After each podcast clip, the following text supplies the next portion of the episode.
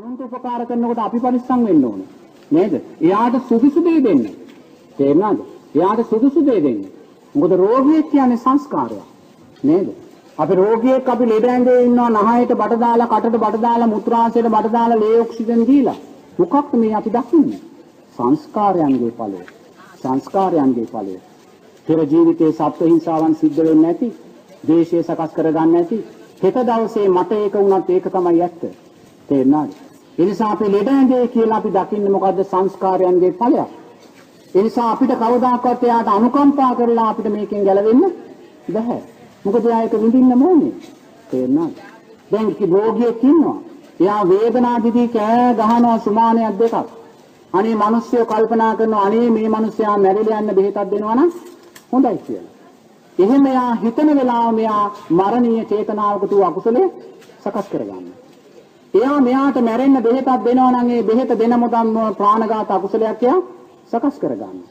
මොකද එයා මේ විදිහේ සංස්කාරය. සංස්කාරයන්ට බෙහෙත් දීලා සුවපත් කරන්න බැහැ. තේරෙනවද? යම් මේකින් අපි එහෙම බෙහෙතක් දීලා මරණයටපත් කළොත් මැරෙන මොහොතේ මර ගෙවන්න තියෙන සංස්කාර ඊටත් වඩා බලවත් වෙලා නිරේකට වැටිලා තමයි එයාට හොඳ කළාද? නැහැ. සංස්කාරයන්ට බෙහෙත් කරන්න අපිට බෑ. වෛද්‍ය විද්‍යාව කොච්චර දියුණුණත් මිනිස්යාගේ සංස්කාරයන් වල ස්වභාවය හොඳ කරන්න බෑ. වෛද්‍ය විද්‍යාව ඉහළට ගිහිල්ලා ඉහළට ගිහිල්ලා මේ ලෝකයේ දියුණුම තාක්ෂණයන් දියුණුම ඖෂධ හොයාගත්තත් කොයිසා දියුණු ඖෂධ තාක්ෂණයන් හොයාගත්තත් ඊට වඩා ශක්තිමත් විස බීජයක් මිනිස්යා තුලින් මතු කරලා දෙනවා. හේතුඵල ධර්මය. ඒ ශක්තිමත් විස බීජය මතු කරලා දෙන්නේ දුස්සීලභාවය විසින්. ඒ නිසා කිසිම දාක වෛද්‍ය විද්‍යාවට ලෝතුරා බුදුරජාණන් වහන්සේගේ සම්මා සම්බුද්ධ ඥාණයට අභියෝග කරන්න බෑ. මොනසා තාක්ෂණයෙන් දියුණු වුණත් මොනසා තාක්ෂණයෙන් දියුණු බෙහෙත් හේත් හොයාගත්තත් ඊට වඩා ශක්තිමත් අකුසලයක් මිනිස්යා තුලින් සකස් කරලා දෙනවා දුස්සීලභාවය විසින්. ඒඩ්ස් කියන රෝගය සකස් කළේ දුස්සීලභාවය විසින්. පිළිකාව කියන රෝගය සකස් කළේ දුස්සීලභාවය විසින්. ඒ නිසා කවදාකවත් සංස්කාර වලට අපිට බෙහෙත් කරන්න බෑ. නමුත් රෝගියෙකුට කරන්න තියෙන උතුම් උපස්ථානය අපි කරන්න ඕනේ ඒක කුසලයක්. තේරෙනවද? ඒ නිසා රෝගියෙකුට උපස්ථාන කරන්න තියෙන එක අපි මගහැරියොත් කවදා හරි දවසට ගේ වැය දරුණු විපාකයන් අපිට සිද්ධ වෙනවා. ඒක අපි හිතන්න ඕනේ. ගෞරවනීය ස්වාමීන් වහන්සේ අපේ සදහතුන්ගෙන් ප්‍රශ්න ගණනාවක් ඉදිරිපත් කළා තිබෙනවා.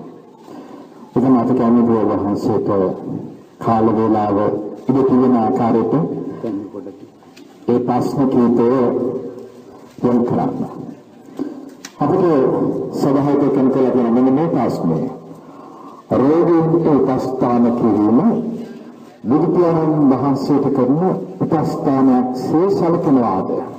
නෑ මාත්‍යෝ ලෞතර බුදුරජාණන් වහන්සේ කොතනකවත් රෝගීන්ට උපස්ථානය කිරීම බුදුරජාණන් වහන්සේට උපස්ථානය කිරීමක් කියලා දේශනා කළා නැහැ. සමාජයේ වෙන මතයක් තියෙනවා නමුත් ඒක සම්පූර්ණ දුර්මතයක්. බුදුරජාණන් වහන්සේ දේශනා කරන්නේ යමෙක් රෝගියෙකුට උපස්ථානය කරනවා නම් ඔහු මං කියපු දේ කරන දේ කරපු කෙනෙක් වෙනවා. මං යමක් දේශනා කළා තියෙනවා ඒ දේශනා කරවා ඒ දේ කරපු කෙනෙක් වෙනවා. ඒ නිසා කොයිම වෙලාවකවත් රෝගියෙකුට උපස්ථානය කිරීම බුදුරජාණන් වහන්සේට කරන උපස්ථානයක් නෙමෙයි. ඔබ එහෙම හිතනවා නම් කවදාකවත් ඔබට සද්ධාව කියන කාරණේ නම් සකස් කරගන්න බැහැ. මොකද බුදුරජාණන් වහන්සේ කියන්නේ අයෝමීය ගුණයන් අයෝමීය ඥානයන්ගෙන් පරිපූර්ණ වූ කෙනෙක්. රෝගියෙක් කියන්නේ කවුද? සමහර විට යා පංචශීලයේ විතරයි සමාදන් වෙලා තියෙන්නේ. සමහර විට යා පංචශීලය සමාදන් නොවි ඉන්න පුළුවන්. නේද?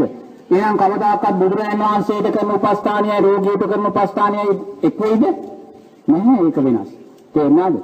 ඒ නිසා හැම වෙලාවෙම රෝගියෙකුට කරන උපස්ථානය කියන්නේ ඒ රෝගී පුද්ගලයාට කරන උපස්ථානය. නමුත් බුදුරජාණන් වහන්සේ කියපු දේ කරපු කෙනෙක් ඒක තේරුම් ගන්න ඕනේ. අපි රෝගියෙකුට උපස්ථානය කරන්නේ නැත්නම් අපි බුදුරජාණන් වහන්සේ කියපු දේ කරන්නේ නැති කෙනෙක් බවටයි අපිපත් වෙන්නේ. තේරුණාද? ඒ නිසා හැම වෙලාවෙම බුදුරජාණන් වහන්සේ උපස්ථානය කිරීමක් කියන කාරණේ සිද්ධ වෙන්නේ නැහැ. බුදුරජාණන් වහන්සේ කියපු දේ කරන කෙනෙක් බවටයි එයාපත් වෙන්නේ. ඒක තේරුම් ගන්න ඕනේ. අපේ ස්වාමීන් වහන්සේ තවත් ප්‍රශ්නයක් මාත් චුට්ටක් ඉන්නේ. දැන් ඒ වගේම රෝගීන්ගේ උපස්ථානය කරනවා මේ රෝහිලක් තියෙන නිසා මතක් කරන්නේ. මොකද මම අඳුරන එක නැස් නෝන කෙනෙක් හිටියා. එයා දැන් නම් මේ පරලෝක ගිහිල්ලා ඉන්නේ. මම හිතන්නේ අවුරුදු 40ක් විතර යාගේ සේවා කාලය තිබ්බා. ඒ සේවා කාලයේ පුරාවටම එයා පන්සල් ගියේ නැහැ. සිල් සමාදන් වුණෙත් නැහැ. පන්සලෙන් දානයක් ආවොත් සල්ලි යවනවා. එයා හැම වෙලාවෙම උදම්මැනුවේ මම රෝගීන්ට කරන දේ මට ප්‍රමාණවත් කියලා. එහෙම තමයි එයා උදම්මැනුවේ. කව නෑ නෑ මම මෙච්චර කරනවා මම ඕටී ගන්න නැතුව මං ලෙඩ උදසා 6ට ඕෆ් වෙලා නිකන් මං 9 වෙලා වැඩ කරලා තියෙනවා මම මෙච්චර මේ දේවල් කරනවා මෙහෙම කරනවා මම මෙච්චර උපකාර කරනවා කියලා තමයි හිටියේ නමුත් ඒ නිසා මෙයා තෙරුවන් සරණ පිහිටියේ නැහැ. සිල් සමාදන් වෙන්න ගියෙත් නැහැ. එයා බුදුරජාණන් වහන්සේගේ සරණින් බැහැර වෙලා රෝගීන්ගේ සරණ සොයාගෙන තමයි ගියේ. නමුත් මේ අම්මා මේ විශ්‍රාම ගිහිල්ලා අවසානයේ අසනීප වුණා. මම දන්න තරමින් මාස 9කට වඩා අධික කාලයක් දැඩි ආකාරයෙන් රෝගී වැඳේ හිටියා. ඊටමත් දුක්ඛිත ආකාරයෙන් රෝගී වැඳේ හිටියා. නමුත් ඒ අවස්ථාවකදී එයාට මතු කොල්ල ගන්න කුසලයක් තිබ්බේ නැහැ. මොකද තෙරුවන් කෙරෙහි ශ්‍රද්ධාව කියන්නේ සීලය කියන්නේ අයෝමේ ශක්තියින් බලයන්. තේරුණාද? දැන් රෝගියෙක් කියන කාරණේ තුල උපස්ථානය තුල අපිට ශක්තිමත් කුසලයක් ඇටියට ඒක මතු කරගන්න බැහැ. මේක තේරුම් ගන්න ඕනේ.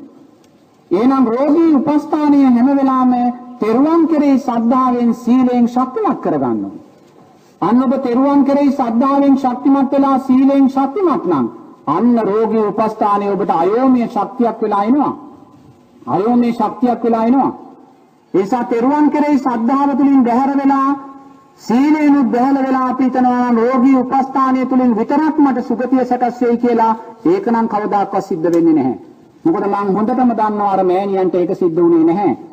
අවසානයේ මැරෙන වෙලාවේ එයාට මතු කරගන්න ශක්තියක් කුසලයක් තිබ්බේ නැහැ. එයා ප්‍රමාද භාවයටපත් වුණා. ඒ නිසා නිරේතරම බුදුරජාණන් වහන්සේ සරණ තුනට එන්න. සීලේ සරණ තුලටම එන්න. එහෙම ඇවිල්ලා රෝගීන්ගේ උපස්ථානයේ සිද්ධ කරන්න ඒ තුලින් ආයෝමේ ශක්තියක් බවට ඔබපත් කරගන්න පුළුවන්.